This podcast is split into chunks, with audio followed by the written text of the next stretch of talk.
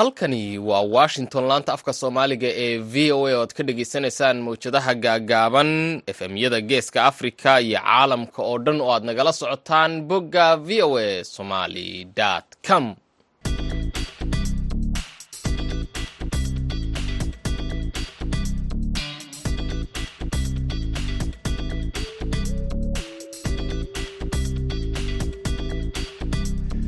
duhur wanaagsan dhegaystayaal. Waa kowdii iyo badhkii duhurnimo xilliga geeska afrika iyo weliba shantii iyo badhkii subaxnimo xilliga washington.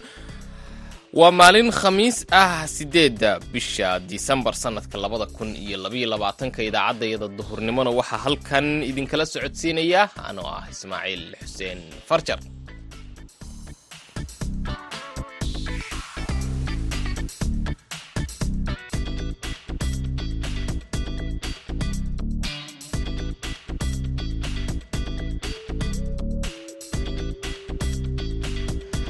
qodobada aan idinku hayno idaacaddeenna duhurnimo ee barnaamijka dhallinyarada maantana waxaa ka mid ah xarun madadaalo oo ay isugu yimaadaan dhallinyarada oo laga hirgeliyey xeryaha dhadhaab marka wuxuu ku soo kordhinayaa dhallinyarada oo inta badan aanan awoodin inay helaan lacag ay ku daawadaan. Ciyaaraha markaas socdo ayay u fududaynaysaa si bilaash inay uga daawadaan ciyaaraha adadag maadaama dhallinyarada ay ku kala duwan yihiin fikri ahaan qaaradaha ay taageerayaan mise countriska ay taageerayaan. Marka sidaa darteed xamaasadda aad weyn ayuu dhallinyaradu leeyahay. Waxaad sidoo kale aad dhegaysan doontaan tartanka horyaalka kubadda cagta puntland oo la soo gebagabeeyey xubintii ciyaaraha iyo weliba qodobo kale. Marka horese waxaad ku soo dhowaataan warkii dunida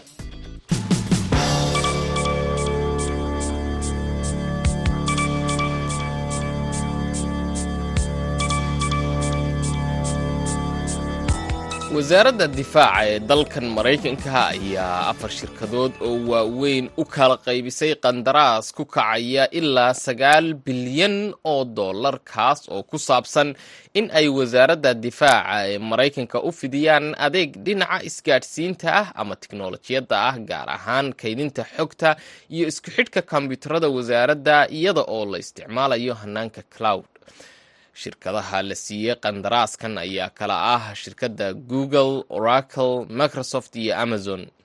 Tallaabadan ayaa ku soo aadaysa iyada oo beryahanba ay socdeen doodo la xidhiidha in habka loo bixiyey qandaraasyo hore oo la xidhiidha dhinaca farsamada casriga ah in milatarigu u maray jid siyaasadeed hanaankan cusub ee ay wasaaradda difaaca ee maraykanku ku isticmaalayso kaydka xogta ee hawada ayaa u sahlaya in ay si fudud isugu xidhmaan kombyuutaradeeda taasoo u sahlaysa in ay si fudud u wadaagaan xogta aan sirta ahayn iyo weliba ta sirta qaran ah.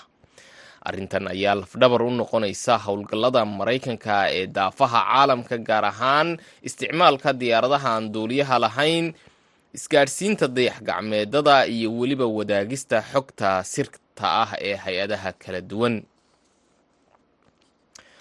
Afhayeen u hadlay madaxweynaha dalka malawi oo la yidhaahdo lazarus jakwera ayaa sheegay in shirmadaxeedka maraykanka iyo afrika ee dhacaya toddobaadka soo socda inuu madaxda qaaradda siin doono fagaare ay ku cabiraan fikradahooda ku aadan sida ganacsiga maraykanka iyo afrika uu horumar u gaadhi karo gaar ahaan aagga ganacsiga xorta ah ee qaaradda afrika agaasimaha isgaadhsiinta ee madaxweynaha malaawi ayaa sheegay in madaxda afrika ay ku qanacsan yihiin in dariiqa looga bixi karo horumar la'aanta ay tahay ganacsiga iyo maalgashiga oo si wada jir ah looga wada hadlo oo aan qolo keligeed aanay hagin ama agaasimaha warfaafinta ama agaasimaha isgaadhsiinta ayaa u sheegay wariyaha v o eda james buty in madaxda afrika ay isku raacsan yihiin in horumarku aanu ku iman karin gargaar oo keliya balse uu ku iman karo ganacsi iyo maalgashi.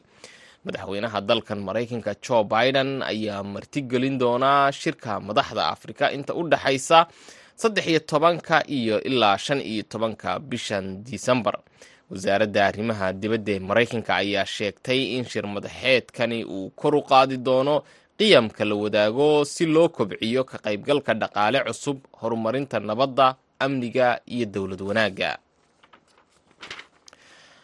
ugu dambeynna ilaa laba sarkaal oo maraykan ah oo aan magacyadooda shaacin ayaa u sheegay wakaaladda wararka ee associated press in ruushku uu dadaal xoogan ugu jiro in uu sii joogteeyo sahayda hubka ah ee uu u isticmaalo dagaalka ukraine iyada oo moscow ay doonayso in iiraan ay mar kale ku caawiso ciidamada ruushka diyaaradaha aan duuliyaha lahayn iyo gantaalada dhulka waxaa jira walaac soo kordhaya oo maraykanku uu qabo oo ku aadan in ruushka uu raadinayo in uu iiraan ka helo hub dheeri ah oo casri ah sida uu sheegay sarkaal ka tirsan golaha ammaanka qaranka ee maraykanka kaas oo magaciisa u qariyey maadaama oo aan la ogolayn in laga faalloodo wararka sirta ah ee maraykanka.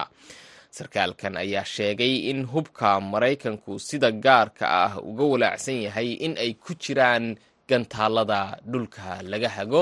dhegaystayaal intaasna waxaa naga eeg warkeennii duhurnimo kuna soo dhowaada qaybaheenna kale ee idaacadda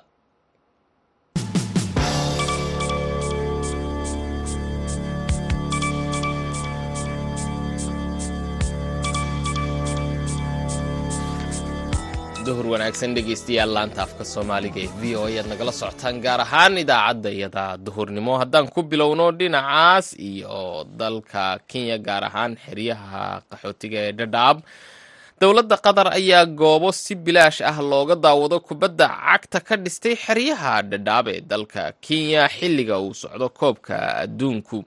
Arrintan ayaa laga damacsan yahay in ay qeyb ka qaadato madadaalada dhalinyarada haddaba wariyaha v o a cabdisalaan salas ayaa waxa uu waraystay abshir aadan qorane oo ka mid ah hogaamiyaasha dalladda dhalinyarada xeryaha qaxootiga ee dhadhaab magacayga waa abshir aadan qorane waxaana gudoomiyaha dhalinyarada dhagaxley. Waa markii ugu horeysay oo mondiyaal oo dunida laga daawanayo xeryaha qaxootiga. Dadkii markaas martida loo ahaa sida qatar oo kale ee maalgelin ku samaysa xeryaha qaxootiga ee dhadhaab. Meelaha dadka aysan awoodin inay ciyaaraha kala socdaan. Marka qatar ayaa barnaamijkan daadihinaysay waxaana ugu talagashay in maadaama dhallinyarada dhammaan aysan daawanaynin kulamada. Dab la'aan jirto dhalo la'aan jirto darteed xaaladda qaxootiga oo iska xun waxay ugu deeqday dhalo. Dhaladaasoo inta waalkaabka uu jiro laga daawan doonin xarada dhagaxley haddana xarada waxay taallaa meesha social hall center. Meeshaasoo anigaan mas'uulka ahay. Waa tahay abshir barnaamijkan xeryaha kale ma ka dhaqan galay? Maxayse tahay muhiimadda as leedahay bulshada qaxootiga uu u leeyahay xeryaha kale wuu ka dhaqan galay sida ifoo kaleeto. Sideenoo kaleeto ayagana waa laga dhaqangeliyey sidoo kale wuxuu ka dhaqangalay dhadhaab. Marka iyo annaga oo xarada dhagaxley ah. Marka wuxuu ku kordhinayaa dhallinyarada oo inta badan aanan awoodin inay helaan lacag ay ku daawadaan. Ciyaaraha markaas socdo ayaa u fududaynaysaa si bilaash inay uga daawadaan ciyaaraha adadag maadaama dhallinyarada ay ku kala duwan yihiin fikri ahaan qaaradaha ay taageerayaan mase countriska ay taageerayaan. Marka sidaa darteed xamaasad aad weyn ayuu dhallinyarada u leeyahay. Weliba dhaladan maadaama dhale aad weyn ay tahay bannaanka qofka jooga uu iska daawan karo. Waxay ka xamaasad badan tahay marka aad daawanaysa dhalinyar. Waa tahay. Waxaan la soconnaa in bulshada soomaaliyeed gaar ahaan qaxootiga barnaamijkan uu yahay mid ku cusub marka cayaaraha iyo arrimaha kale laga hadlayana ay dhaqan ahaan soomaalida aysan jeclaysan. Arrintan abshiro wax caqabad ah oo idinka hor yimid ma jiraan? Waxaan caqabad lahayn ma jiro. Inta badan markii la arko dhalo meel la keenayo mase waxyaala macnaha horumar ah oo dhallinyarada loo keenayo markii la arko qofka waxa ugu horreeya oo ku soo dhacay waxaa waa in lacago fara badan meeshii ay ku baxayaan oo lacago fara badan lagu kala qaadanayo marka dad badan baa aad inoo dhibay laakiin alxamdulilah hadda wax walba waa uu iska degan yahay. Waxaan loo ogolaaday habeenkii inaan ciyaaraha qayb ka mid aan daawan karno. Maalinta haddii ay soo galaan si la mid ayagana aan u daawan karno. Aad baan uga mahad celinaynaa dowladda kenya taasoo ayadana sugaysa amniga. Waxa ugu muhiimsan waa amniga iyo dhallinyarada inay socon karaan ilaa iyo labada saac marka laga tago in cayaartan bulshada qaxootiga si bilaash ay ku daawadaan fursad kale ka dhalinyar ahaan fursad ma idin yahay? Inta badan wuu iskeer yahay. Fursadaha fursad wuu yahay oo waxaa jiro xoogaa yar oo dhallinyaro yar oo la siinayo sida waardiyahoo kaleeto shaqooyin yaryar way iska jiraan. Sida loo baahnaa ma ahan laakiin at least haddii hal qof xataa waxuu ka faa'iidaya xataa waa wax uu muhiim u ah dhallinyarada laakiin waxaasoo dhan annaga waxaa noogu muhiimsan in waalkaabka hadda socdo si dhallinyarada jecel inay la socoto ay si wanaagsan u daawato insha allah waa tahay abshir way ballaantahay bulshada xarada ku jirto hal goob keliya dadkan ma deeqi kartaa? Hal goob ma deeqi karto. Balse waxaa waayo hadda waxaa jiro hal dhalo unbaa loo helay maadaama hal dhalo la helay dhaladina waxaan dhignaa meeshii ugu wanaagsanaed oo ay ku habbooneyd.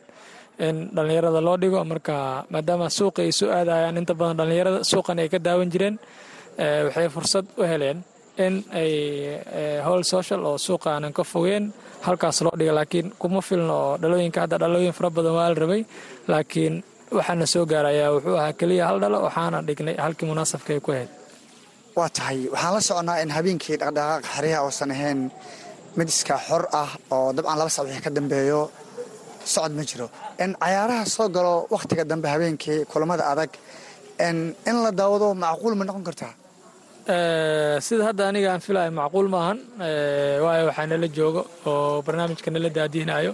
Dadka hor ka imaaday waa inay hoydaan oo dhadhaabay aadaan marka keliya waxaa uun suurtagal noqon karto ciyaaraha labada saac ka hor in la daawado.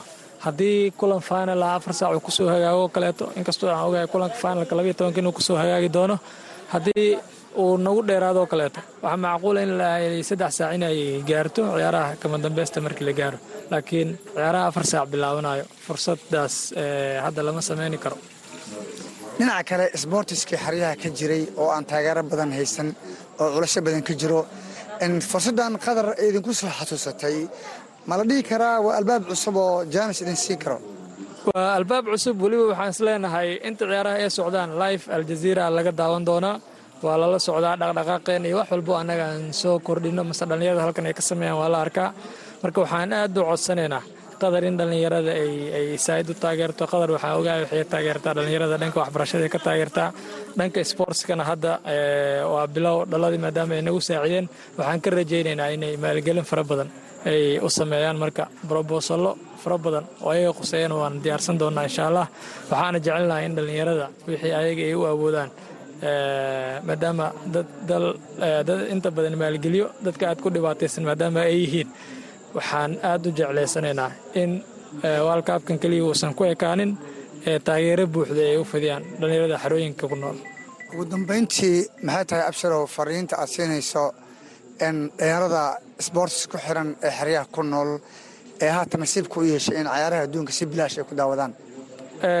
Dhallinyarada waxaan ugu baaqayaa kubadda waa nabad ayadii adiga haddaa dheelaysa haddii aad daawanayso marka waxaan aad uga codsanayaa dhallinyarada markay xarunta yimaadaan in ay tixgeliyaan dadka halkaas ku maamulaya mar walbo dhallinyarada inay qaataan doorkooda muhiimka ah oo ciyaarta si wanaagsan ay u daawadaan buuqay qaylan ayaysan keenin. Waxaan kaloo baaq u dirayaa qadar dadkan hadda jaaritiga noo soo bixiyey. Waxaa ayagana ka codsanayaa in si macnaha aan hagrad lahayn ee dhallinyarada ay u soo taageeraan maadaama dad qaxootiya oo aad u tawaalaysan halkan ay ka buuxaan. Waxyaala fara badan oo u baahannaha jiro marka maalgelin fara badan inay dhallinyarada u sameeyaan aad u codsanaya.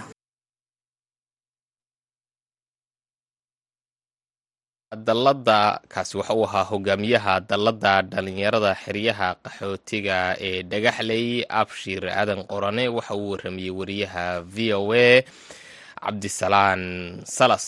Halkaad kala socotaana waa laanta afka soomaaliga ee v o a washington. Idinka imanaysa haatanna dhinacaas iyo puntland. Tartanka horyaalka kubadda cagta ee puntland oo ay ka qayb galeen sagaal kooxood oo ka kala tirsan magaalooyinka puntland ayaa la soo gebagabeeyey madaxda tartamaysa ama madaxa tartamada xidhiidhka kubadda cagta ee puntland mustafe cabdiraxmaan majacase ayaa tartankan uga waramay wariyaha v o a yuusuf maxamuud. Yuusuf yuusuf waa ku salaamaya iyo dhammaan bahda v o a horyaal kubadda cagta puntland saa la socoto waxaa qeyb gala. Sagaal kooxood sagaal kooxood oo ka kala dhisan saddex ka dhisan tahay magaalada gaalkacyo saddexna garowe labana boosaas midna qarlo. Horyaalkan guud ahaan kooxuhu waxay isugu tagaan homi awey kooxdu afar kulanna banaanka ee aada afar kulanna waa loo yimaadaa. Afar garoon bayna ciyaaraha iska kala dhacaan. Garoonka miraawaare cawaale boobe iyo berdaqaasim stadium tartanka guud ahaan waxaa ka qeyb galay ciyaartooy iyo sidoo kale macalin. Tartankan waxaa ku guuleysatay kooxda s b c football club oo ka dhisan caansimada puntland ee garowe. Kaalinta labaadna waxaa gashay kooxda horseed football club.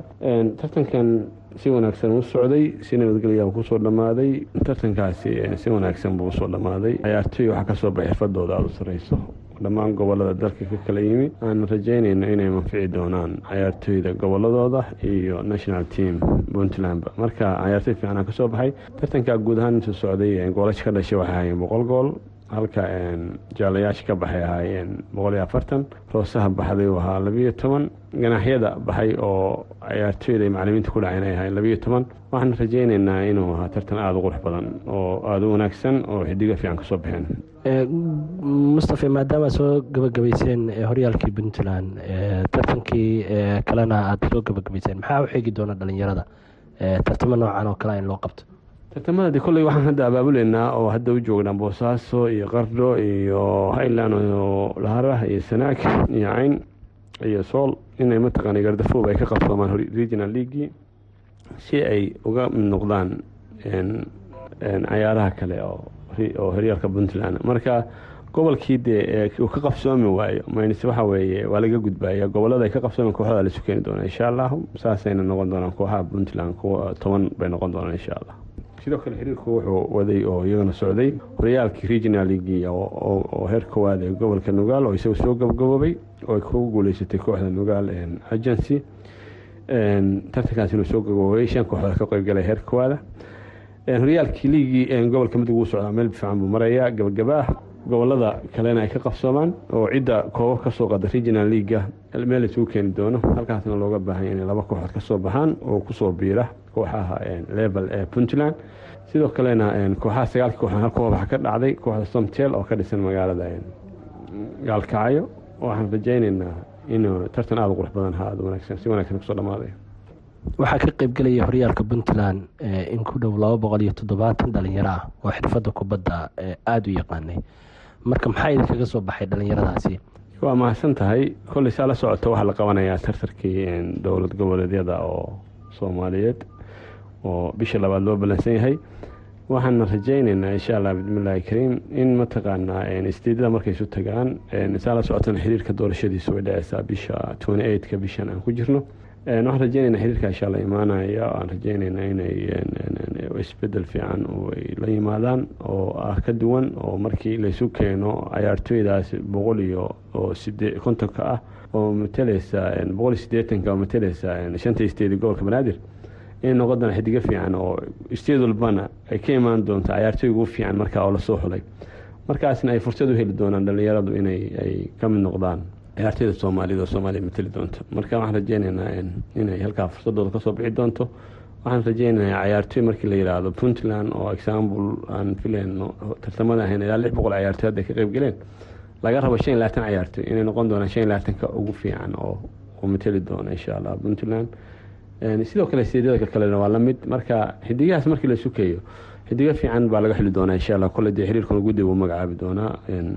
Waxaana ka soo bixi doona xidigo mateli doona qarankooda soomaaliyeed tartankan inta uu socday puntland iyo dhalinyaradaba maxaa laga bartaa is oran kadhaa mustafo walahi tartanka de qeyb wuxuu ka qaataa jihayntii dhalinyarada wuxuu ka qaataa nabadgelyadii. Magaalo kasta oo dhalinyaro ku nooshay wax lagu xisaabtanay toddobaadka horyaalkaasi dhacayo tartankanna wuxuu tartan ka duwan tartamada dalka laga qabto waa tartan kooxda musaafahaan isu mareysa kun iyo shan boqol go'aanbaaga waxaan uga mahad celinaynaa abaalmarintiisa cid kastoo ay ka qayb qaadatay. Ugu horey xiriir kubadda cagta soomaalida oo tartanka abaalmarintiisa dhinaca dhaqaalaha aan bixiyey waxaan uga mahad celinaynaa hurniga sport isagona materiaalkii nagala qeybaatay. Sidoo kale dhammaan cid kasta oo gacan ka geysatay oo ah hay'adahan mataqaana g i z iyo un f b iyo shirkadda isgaarsiinta golis iyadana uga mahad celina iyadoo doorweyn ka qaadato horyaalka kubadda cagta puntland. Iyo dhammaan mas'uuliyiinta maamulada degmooyinka oo puntland oo xaqiiqdii ciyaarahaas ka dhacayeen aan aada ugu mahad celinayno guddoomiyayaasha degmooyinka iyo xogeyaasha iyo maamulka gobolka taliyayaasha qeybta oo gobollada oo puntland amniga sumayay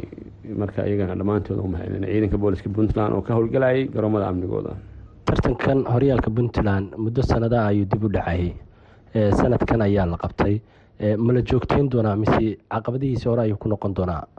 Waa joogteyn horyaalka oo laba kun saddex iyo labaatan laba kun labaatan. Qorshihiisa dhawaanaan soo gudbi doonaa insha allah wixii la qora turkiisu dhacayo waxayna ku xiran tahay gobollada siga wax uga qabsoomaan. Goboladii ka qabsoon waayeen insha allah haddii tashi guuda laga galay guddiga fulinta xiriirka ka fariisan doona iyagoo wixii warbixinana la wadaagi doona siyaasadda guud maadaama wasaaradda xukunta la wadaagi doono aan rajaynayna insha allah haddii gobolka ka qabsoomi waayo. Inuu de isagu isreebay marka ciddii ay wax qabsoomeen ay ku biri doonaan si fudud loogu qaban doono insha allah marka horyaaladana joogtay noqon doonaan. Dhalinyaran kubadda waa lagu jihaynayaa saa la socotana dee laba garoona cagaara garoomada kalena cagaara in kole boosaas qorshihiis waa socdaa. In labi tobnaad oo bilowda si qorshuu yahay waxaan rajeynaynaa in garoomada kalena sidoo kale wada dhismaan puntland oo dadku isku dowladooda ay dhistaan. Marka waxaan rajeynaynaa in isbeddel fiican iyo dhalinyarada jihayn fiican ay u socoto. Kaasi waxa uu ahaa mustafe cabdiraxmaan majacase madaxa tartamada xidhiidhka kubadda cagta ee puntland oo u warramayay wariyaha v o a yuusuf maxamuud yuusuf halka aad nagala socotaana waa laantaafka soomaaliga ee v o a. Haatanna dhegeystayaal waxaad ku soo dhawaataan xubintii ciyaaraha.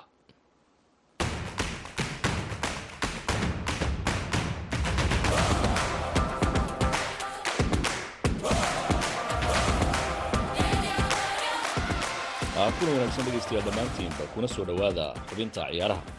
Shalato iyo maantaba waxaa laga nasanayay koobka kubadda cagta adduunka iyadoo wareegga lix iyo tobanku soo gebagaboobay islamarkaasina maalinta jimcaha uu bilaaban doono wareegga siddeedda oo afar dal ay kulamadaasi ciyaari doonaan halka afarta kalena ay ciyaari doonaan maalinta sabtida.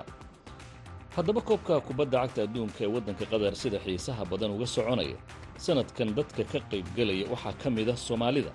Inkastoo soomaalidu aanay dal ahaan koobka uga qaybgelaynin haddana waxaa jira soomaali ciyaaraha xiisaysa oo garoommada kala gedisan ee ciyaaruhu ka socdaan daawasho u tegayey iyadoo dhinaca kalena aan helayno warar ku saabsan soomaali lafteeda garoommada ka shaqaynaya soomaalida haddaba ay u suura gashay sanadkan inay koobka kubadda cagta adduunka ka qayb galaan islamarkaasina markoodii ugu horraysay ay koob adduun daawadaan waxaa ka mid ah cabdiraxmaan ciise kaahin oo ka mid a ganacsada soomaaliyeed ee ku dhaqan magaalada minneabolis ee gobolka minnesota. Sidoo kale cabdiraxmaan waa dadka ciyaaraha u dhuundaloola inkastoo uu berigii yaraa ciyaaryahana haddana weli garoommada kama aanu bixin oo maalmaha nasashada weli waa u ciyaaraa kaahin marka hore soo dhowow waxaad dabcan ka mid tahay dadka soomaalida ee koobka kubadda cagta adduunka ee u soo daawasho tegay ee ka socda waddanka qatar. Bal marka hore waxaad iga warantaa waxyaabaha adiga sida gaarkaa ku xiiso geliyey ee aad ku aragtay koobka kubadda cagta adduunka waad mahadsantahay mascade ciyaarahan horta qatar ka dhacaya waxay ka dhacayaan wadankii u horreeyey ee muslina ee ku yaalla middle eastiga marka aniga fursad weyn ayay ahayd si gaara maadaama lagu qabanayay qatar oo aan koobkan aan ugu magac daray koob waxaan ku dhaha xalaal world cup. Amba mataqaana wadan muslim lagu qabtay taasaa igu xiiso badnayd. Waxaa kale xiiso geliyey wadankan qatar. Waxa weeyaan adduunyada intii soo martay world cupka waxaa lagu qaban jiray wadan amba dhowr wadan baa wada samayn jiray oo ilaa ugu yaraan sideed magaalo lagu samayn jiray. Laakiinse kani waxaa lagu samaynayaa hal magaalo oo mataqaanaa le awoodii ay ku qaban lahayd sideed garoon oo cusub oo noocii u dambeeya. Marka waxyaabaha ay rekorka ku dhigtay waddanka qatar waxaa ka mid a qabanqaabada sida habsamida u socda. Taasi oo weli ilaa iminka hal incident amba hal dhib oo mataqaanaa laga soo sheegtay workupka suu jirin oo ka ahayn wanaag. Waa gartay ilaa hadda adigu meeqa kulan daawatay waxaan daawaday kulankaa laiga bediyey iyo faransiiska iyo poland. Marka maraykanka laga yimaado waxa aan taageero ahay ilaa yaraanteeda ku soo aqliyaystay kooxda faransiiska oonanu idhaahdo waxa weeyaan kooxda faransiiska waa waa qurba joogtii africa oo wadan maxaan qoraa wadan ah. Waa gartay. Marka waddamada afrikada lixaad ee koobka ka qadgelaysaa dadka yidhahdaad ka mid tahay saasaa ka mid aan aaminsanahay waa gartay. Kahin soomaalida waxaad sheegtay in aanay dabcan sida aan ognahayba aanay koob ka qaybgelaynin laakiin siyaabo kala gedisan bay uga qaybgelayaan ama haddii ay noqon lahayd taageero garoomada jooga ama kuwa wadanka deganba. Waxyaabaha adiga ku xiisaha geliyey dhinaca soomaalida ah ayaad kula kulantay. Haddii ay noqon lahayd ka qaybgalka iyo haddii ay noqon lahayd soomaali aada aragtay oo garoomada ka shaqeynaya oo kale horta saad sheegtay taageerayaal badan oo waxaa yimiday kii ka socda wadanada germany iyo holland iyo ingiriiska iyo sida maraykanka oo soomaaliya. Marka qaarkood way ku dhasheen qaarkoodna de sideedoo kale ayay teganya ko mataqaanaa muddo kara marka dadkaasi taageerayaal u weyn bay u yihiin oo garoonada waad ku arkaysaa meelaha suuqyada waad ku arkaysaa waxaa kale ee jirta oo mataqaanaa waddankan aada looga yaqaano dadka soomaalida especially dhalinyarada soomaalida oo lagu yaqaano inay booliiska iyo ciidanka waddankan ay ka mid yihiin waxaad kale ad arkaysaa garoomada dadka kubaaraya amba kujeegareynaya inay yihiin dhalinyaro soomaaliya. Marka dhowr albaab ayaa layska jeegarayaa waxaad arkaysaa markaasuu ka odhanaya war soomaali waa tee soco. Marka waxaad arkaysaa nacamde waxyaabaha ku soo dhiirigelinaya ee wadda ina soomaalinimadu meel walba ay joogto adduunka taasina mataqaanaa sharaf baan ku leenahay. Waa garta arrinta qadiyadda falastiinna meelo fara badan bay ka muuqanaysay weliba ciyaartooyda waddamada carabta ka socda oo kale. Sidoo kale dhinaca banaanka garoonka markaad joogto magaalada dhexdeeda shacaa'irkaas ma laga arkay qadiyadda falastiin waa qadiyad middle eastiga amba adduunka muslimka aada ugu weyn. Waxayna u tahay fursad ay adduunka kaga dhaadhiciyaan waddanka falastiin amba qowmiyadda falastiin inay tahay qowmiyad la gumaysto marka sida aada ciyaartooyda morocco iyo tunisia waxay openly calankii ay garoonkayba maxaan qoraa ku keeneen midiga adduunka o waxaad arkaysaa meelaha fagaaraha waxaa lagu heesayaa calanada maxaan qoraa falastiin. Waxay waxay koobkan ka dhigeen mid loogu doodo qowmiyadda amba xaquuqda dadka falastiin. Waxaa kale taasi ka weyn dacwadda diinta islaamka sida ay u weyneeyeen wadanka maxaan qoraa qatar. Waa mid mucjisa waxay keeneen dadka dacwadda diinta islaamka u fiican.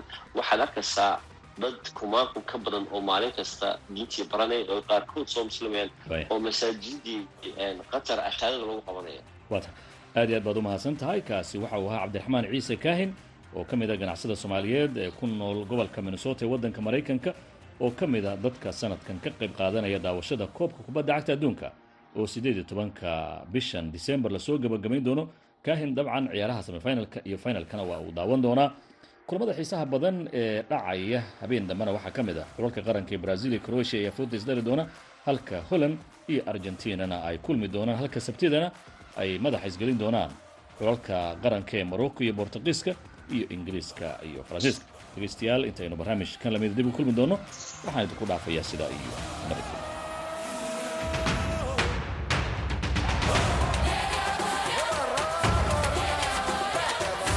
aad buu mahadsan yahay. Maxamuud mascade oo xubintaas ciyaaraha inala socodsiinayay dhegaystayaal haatanna gebagabadii idaacaddeenna oo aan idinla socodsiinaya ayaan ku sii siqaynaayo waxaan idaacaddeenna duhurnimo barnaamijka dhallinyarada maanta idinkaga tegaynaa dhinacii heesaha tan iyo intaynu idaacadda xigta ku kulmayno waxaan idinkaga tegaynaa sidaas iyo ismaqal dambe oo xiise leh